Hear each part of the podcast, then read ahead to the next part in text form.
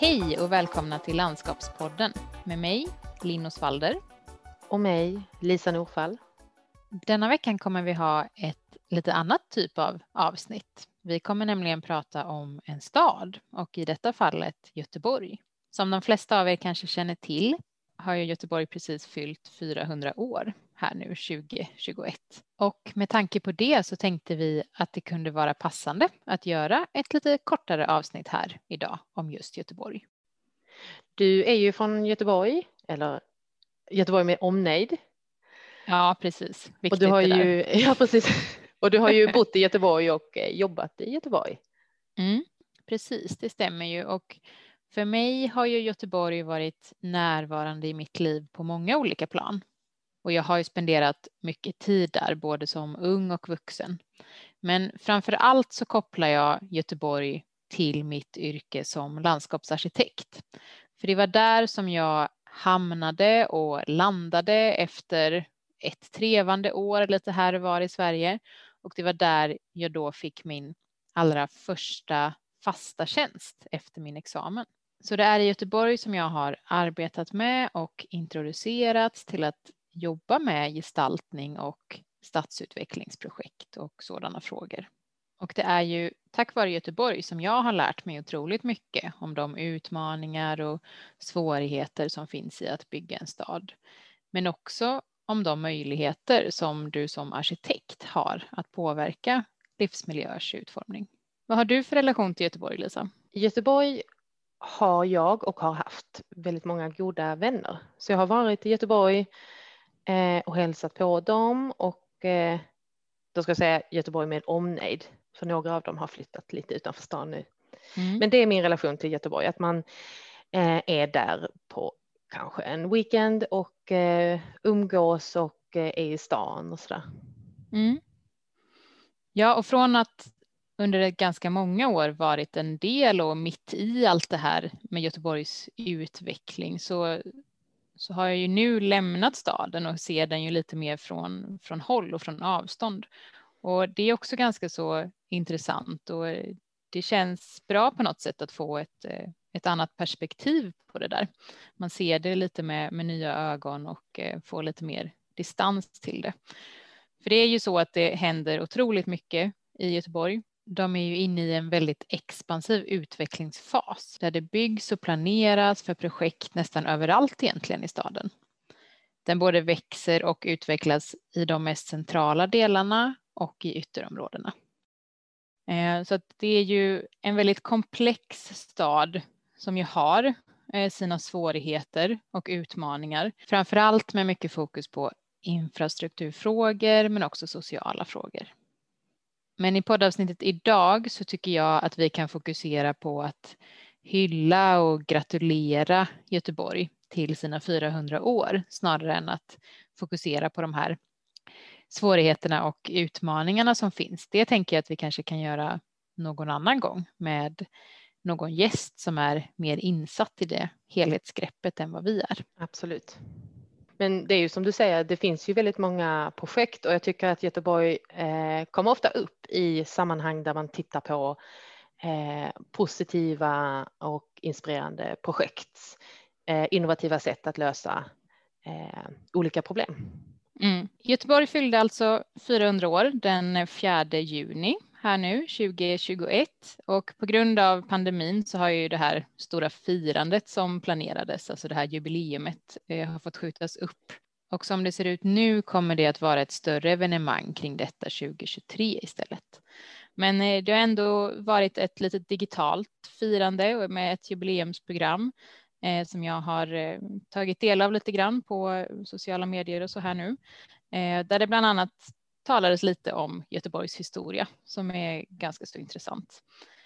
Att en stad har ett så specifikt födelsedatum just den 4 juni, det är ju lite speciellt. Ofta så växer ju en stad fram under en längre tid genom att den börjar etablera sig någonstans och sen växer den vidare och så blir det till slut det som vi kallar en stad.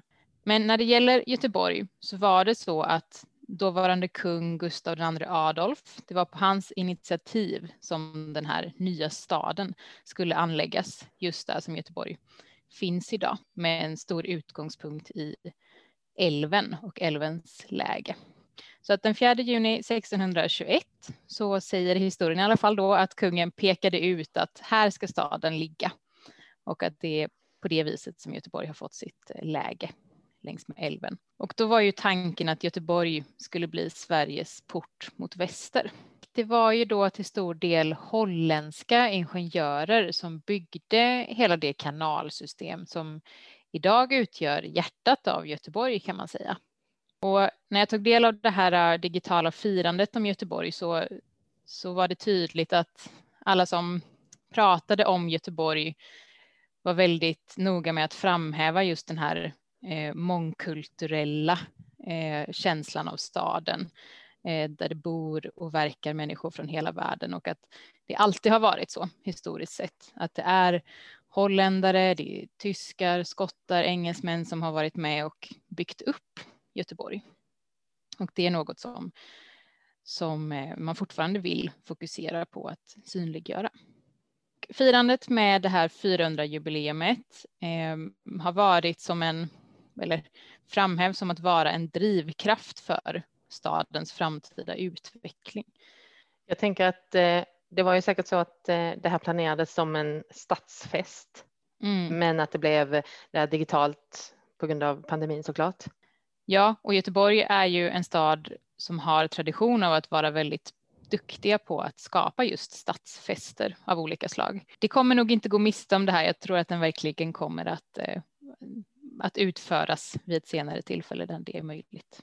Men även om det inte blev någon stadsfest just nu så pratade du om att det var flera stadsbyggnadsprojekt som skulle vara färdiga till det här firandet. Eh, vilka var det? Mm. Ja, det är ju otroligt många projekt och de är också väldigt, väldigt stora och omfattande. Eh, och jag tänker att jag, jag kan lite snart här rada upp en del av de projekten som, som är väldigt pågående och, och stora. Men, men det projektet som, som kanske många ändå känner till och som är ganska så aktuellt just nu är ju den nya Hisingsbron som ju faktiskt är på plats nu och är invigd här för inte alls så länge sedan. Så det är ju ett av de Eh, projekten.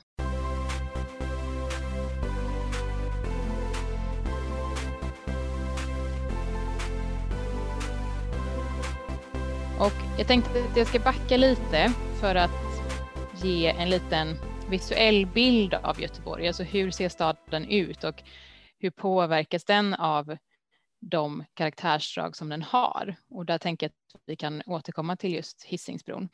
Men för mig så är ju och för de flesta tror jag så är ju eh, den största karaktären av Göteborg vatten, alltså vatten på olika sätt. Det är vatten i form av älven som vi har nämnt, men det är också kanalsystemet, eh, den gamla vallgraven och sen är det ju faktiskt också havet i utkanten av staden och inte minst regnet. Så det finns ju olika typer av vatten som är, är karaktäristiskt för Göteborg på vattnet så pågår det också en hel del aktivitet. Till exempel så har vi ju ganska mycket silhuetter av kranar, båtar, färjor, broarna som, som skvallrar om både pågående och historisk eh, hamnverksamhet på olika sätt. Det finns ju färjeaktivitet, eh, både med linjetrafik som transporterar pendlande göteborgare från ena sidan av staden till den andra. Och sen är hamnen väldigt centralt belägen och härifrån kan man då ta färjan till Fredrikshamn i Danmark och Kiel i Tyskland. Eh, så att båttrafiken blir ju en, en väldigt central del av staden, eh, vilket är väldigt karaktäristiskt för en, en hamnstad på det här sättet. Och i och med att vatten är så centralt eh, så påverkar ju vattnet också stadsplaneringen och det påverkar ju hur man som medborgare rör sig i staden.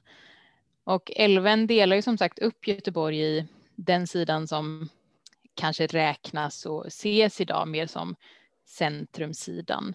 Eh, och sen har vi hissingen på andra sidan som mer och mer utvecklas med mer aktiviteter, bostäder, handel och så vidare. Eh, och det är ju faktiskt mycket på den sidan vid Färjenäsparken som Göteborg började utvecklas också. Så att båda de här sidorna har ju väldigt stark karaktär och är ju väldigt viktig för staden. Och i och med vatten så kan man ju tänka att det skapar ganska mycket barriäreffekt, alltså det blir ett, ja, men ett hinder för hur man ska röra sig genom staden. Men bland annat finns ju då den här linjetrafiken med färjorna som tar passagerare från ganska många olika färjelägen på de båda sidorna. Och sen finns det också de här två väldigt centrala broarna. Den stora Älvsborgsbron som sträcker sig från eh, Röda Sten, alltså Klippanområdet, över till Hisingen, eh, till Eriksberg och så vidare. Och sen har vi den här nya Hisingsbron som den nu heter då, som ersätter den gamla Göta älvbron. Ena brofästet är vid centralområdet och det andra vid Frihamnen och Ringön på Hisingssidan. Och den här Hisingsbron är ju väldigt nyligen då invigd. Så nu tror jag att man både kan röra sig där med biltrafik, kollektivtrafik och eh, gång och cykel. Eh, och den gamla bron håller ju på att rivas då, men finns fortfarande kvar. Den nya är byggd väldigt nära, precis i anslutning till den gamla då. Har du sett den här bron, Lisa? Jag har sett den på bild. Mm. Eh, men jag tänker först anledningen till att man byggde en ny bro. Är det att den mm. gamla bron börjar bli för gammal eller behövde man mer plats eller vet du det? Ja, men, men det är så att den, den behövde eh, uppgraderas, alltså den, den behövde eh, byggas om.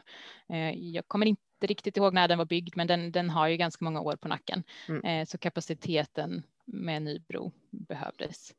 Eh, och det var en, en projekttävling som utlystes då av Göteborgs stad i samarbete med Sveriges arkitekter, där man då bjöd in eh, till en tävling kring utvecklingen av den här nya bron. Och det förslag som då vann heter Arpeggio och är då ett förslag från Dissing Weitling Architecture, Ljusarkitektur, Elu och Leonhardt och André und Partner.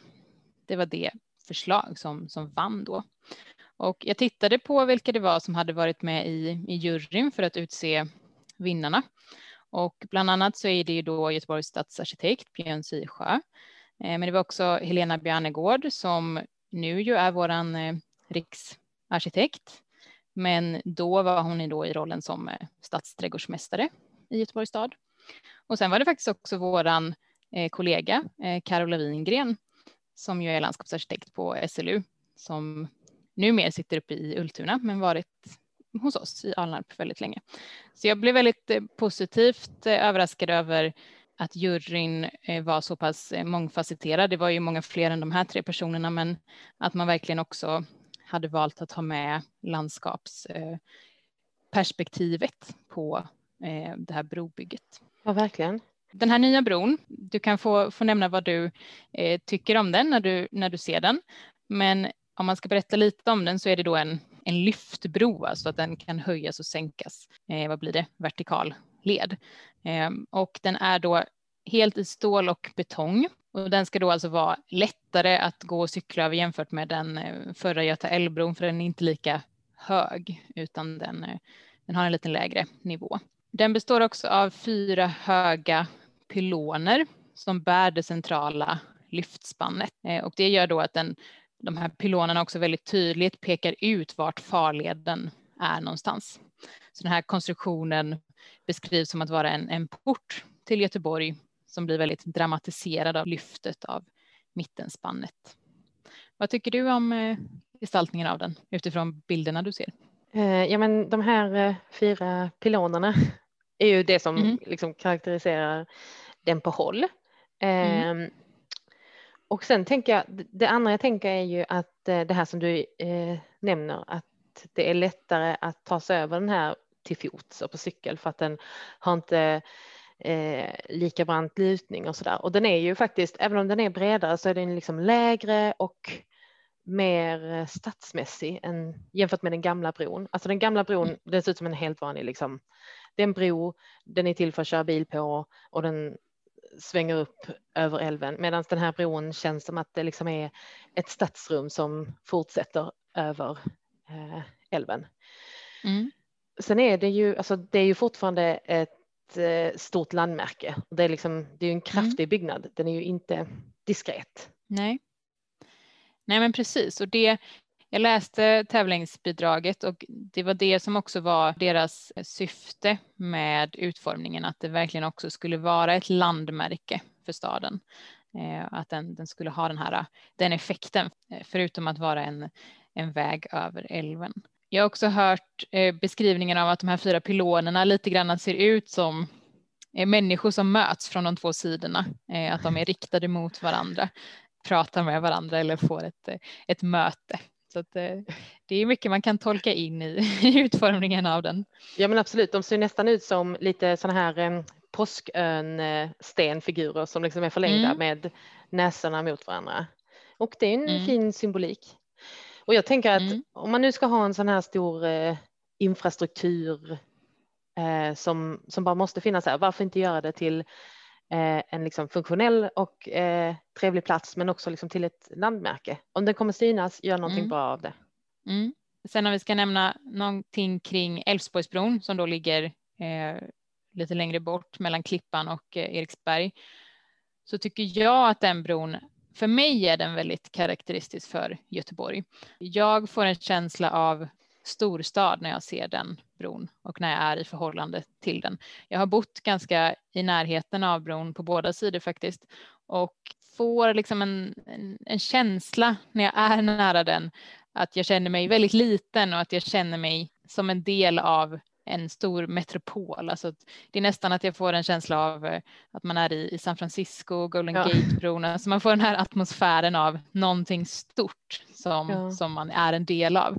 Eh, och jag tycker den, det är en väldigt häftig känsla eh, att den, den verkligen tonar upp sig där och, och förenar Göteborgs båda sidor. Och det ger också en känsla av att eh, av en stad som, som aldrig eh, som aldrig sover utan det är alltid trafik som, som rör sig över bron som skapar det här suset av, eh, av ljud. Ja, ja, men det är en helt annan typ av bro eftersom den är så stor och att mm. det är en mm. hängbro och eh, den hamnar så himla högt upp i luften.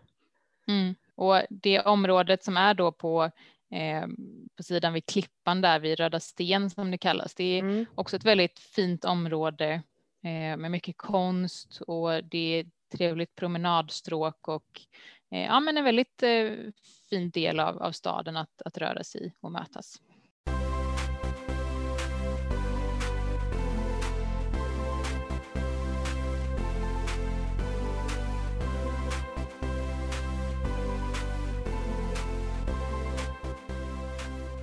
Om vi återgår lite till det här med vattenkaraktären i Göteborg så är ju också regnet väldigt ständigt närvarande. Och eh, det kan ju kännas som lite tråkigt, men jag tror att som göteborgare så är det en, det är en del av vardagen att, att det är ganska regnigt och det gör också att man, man uppskattar när det är lite bättre väder. Eh, och Göteborg har ju också en vision om att eh, börja utnyttja det här mer och mer. Att tänka på vattnet som en resurs och regnet som en resurs. Ja, men de har en vision om att vara världens bästa stad när det regnar. Och det är en väldigt stor ambition och det ska bli intressant att se hur det eh, ter sig och hur det kommer utvecklas här framöver. Men, eh, men det finns ju väldigt mycket möjligheter i att nyttja regnet i, i stadsmiljön, givetvis på många olika sätt. Bland annat finns det en, eh, en ganska nyanlagd regnpark vid Näckrostammen som ligger ganska nära Korsvägen. För det är ett sådant exempel på där man tänker sig att man använder vattnet som en resurs i staden. Och förutom vattnet så är en annan karaktär för Göteborg spårvagnstrafiken. Eh, det är ju inte så många städer i Sverige som har en sån utvecklad spårvagnstrafik och den är ju ständigt närvarande i staden och det finns ju ganska många linjer som åker ut ganska långt ändå och det här är ju ett färdmedel som till skillnad från tunnelbanetrafik där man rör sig under marken så får man ju här en möjlighet att visuellt uppleva staden och röra sig i dagens ljus genom staden när man åker spårvagn. Det är ett färdmedel som också går ganska så långsamt, vilket i vissa fall kan vara lite irriterande när man har bråttom. Men genom att uppleva staden så är det ett väldigt fint sätt att, att röra sig. Det blir en eh, San Francisco-referens till, men det är nästan lite så det mm. känns när man guppar upp, för, eh, upp och ner för backarna. Och mm. Jag håller med dig om att det är, det är trevligt att åka spårvagn. Det finns fler städer som börjar utveckla en spårvagnstrafik i lite mindre skala i alla fall. Till exempel Lund har ju Precis. nyligen infört en, en spårvagnslinje och jag vet att eh, Helsingborg tidigare haft tankar kring det. Eh, Norrköping har ju det lite grann och så. Men, men just den här väldigt omfattande spårvagnstrafiken finns ju nästan mm. bara i, i Göteborg. Mm. Men om vi ska nämna några fler stadsutvecklingsprojekt som pågår i Göteborg så nu nämner jag bara ett, ett axplock, men det som många kanske känner till är ju Västlänken. Och Västlänken, det är ju en utveckling av järnvägssystemet i Göteborg eh, och har börjat att byggas eh, och det ska bli en cirka 8 kilometer lång dubbelspårig järnväg för både då pendeltåg och regiontåg. Drygt 6 kilometer av det här eh, spåret kommer då gå i tunnel under centrala Göteborg. Och det kommer då att bli tre stycken underjordiska stationer som kommer ligga vid Centralen, Haga och Korsvägen. Så i och med Västlänken så kommer ju den här följden av att alla de här tre områdena där stationerna ska skapas också behöver utvecklas. Så det pågår ju de här stationerna ligger ju ganska utspritt i staden så att det här påverkar ju att det pågår ganska mycket eh, byggnationsarbeten på flera ställen i staden kring detta just nu. Och bakgrunden till Västlänken är att eh, Göteborgs nuvarande centralstation som är en säckstation, alltså där tågen kan eh, de kan köra in och sen behöver de backa ut, inte längre kan nå den kapaciteten som krävs idag. Den kan alltså inte ta emot fler tåg under de mest eh, trafiktätaste delarna av dygnet, vilket har gjort att man behöver utveckla. Och Västlänken är ju ett ganska omtalat projekt och ett väldigt, väldigt stort projekt, eh, men som nu är i full gång med att bygga, så det ska bli väldigt, väldigt spännande att följa detta på vägen. Sen har vi också då Centralenområdet och det är också ett av Göteborgs viktigaste utvecklingsområden. Idag är det här området ganska så dominerat av trafik. Det mm. rör sig väldigt mycket kollektivtrafik här såklart, eh, både genom buss och det är spårvagnstrafik eh, och sen är det även en hel del biltrafik som också ska ta sig igenom det här området när det till exempel är stopp på lederna runt omkring och så. Eh, så det är ett område som har ganska stor Eh, problematik just med, med framkomligheten och det blir ofta ganska mycket trafikkaos här. Och tanken är då att det här området inom 20 år ska utvecklas och inte vara så dominerat av trafik utan här ska egentligen då istället finnas eh, nya bostäder. Eh, väldigt många nya arbetstillfällen ska finnas på plats här. Det ska finnas mycket ytor för kultur, grönområden och ett rikt folkliv. Så det här är verkligen en, en central utvecklingsdel av Göteborg. I nära anslutning till detta så finns också ett projekt med en överdäckning av Götaleden. Och med en överdäckning så menas då att en stor del av den här tunneln kommer då att vara överbyggd där det då går att också bygga bostäder på tunneltaket. Det finns också ett stort projekt i Gamlestaden där man planerar för en eh, folktät och attraktiv stadsdel med mycket nya bostäder, handel och service. Eh, och den här nya bebyggelsen då ska integreras väldigt mycket i den gamla. Och här är tanken att det ska bo dubbelt så många invånare i framtiden än vad det gör idag här. Sen har vi också Frihamnen som ju då ligger på, på Hisingssidan och Jubileumsparken som ni kanske känner till. Eh, där har ju skett en del utveckling redan, till exempel med den ganska kända bastun och eh, det allmänna badet just nu. Men där är ju mycket en testarena också för att, eh, att pröva olika typer av stadsutveckling eh, och att bygga olika typer av bostäder och så. Så det är också ett stort utvecklingsområde. Precis. Och man kan verkligen tänka sig att i en stad som har så här många stadsutvecklingsprojekt på gång samtidigt så kan det uppstå ganska mycket diskussioner kring projekten och det är väldigt mycket i organisationen som behöver fungera för att få allting på plats. Jag tycker att det är ganska intressant att det pågår en diskussion och lite debatt inom kommunen mellan politiker, förvaltningar och stadsarkitekt. Det är någonting man, man kan följa lite i media sådär.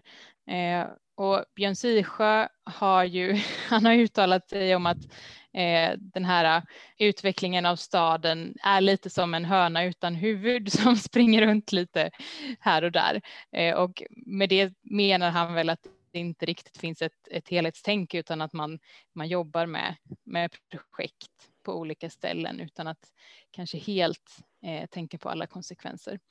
Eh, så det, det finns ju mycket inom staden och inom organisationen som, som pågår och, och, det måste man ju också förstå all den här utmaningen med att arbeta i en sån här stor stad mm. och få alla att, att jobba i samma riktning. Eh, det är ju väldigt speciellt och väldigt utmanande eh, och jag tycker också att man måste tänka på att alla nog gör sitt bästa och att man försöker göra det bästa för staden. Eh, men, men det är lite oundvikligt att det, det, skapas konflikter och diskussioner kring sånt här. Ja men såklart, jag tror, jag tror att det är en utmaning både i små men framförallt i stora organisationer. Alltså när eh, den administrativa organisationen växer så blir det också svårare att hålla ihop skotten. Mm. Eh, men lika viktigt såklart oavsett om staden är stor eller liten. Mm.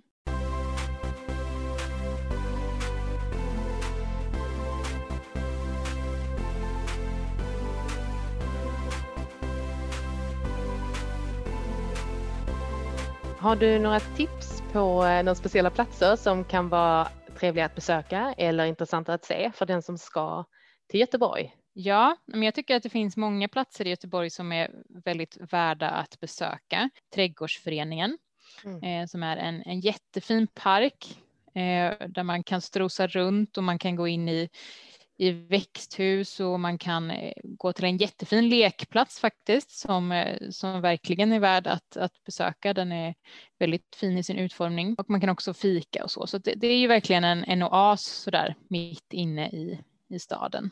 Slottsskogen som är ett stort parkområde också eh, centralt i staden och framför allt så tycker jag att Slottsskogen förenar många av stadsdelarna, att det finns entréer från väldigt många olika håll som gör att man verkligen kan röra sig genom parken när man ska från en plats till en annan.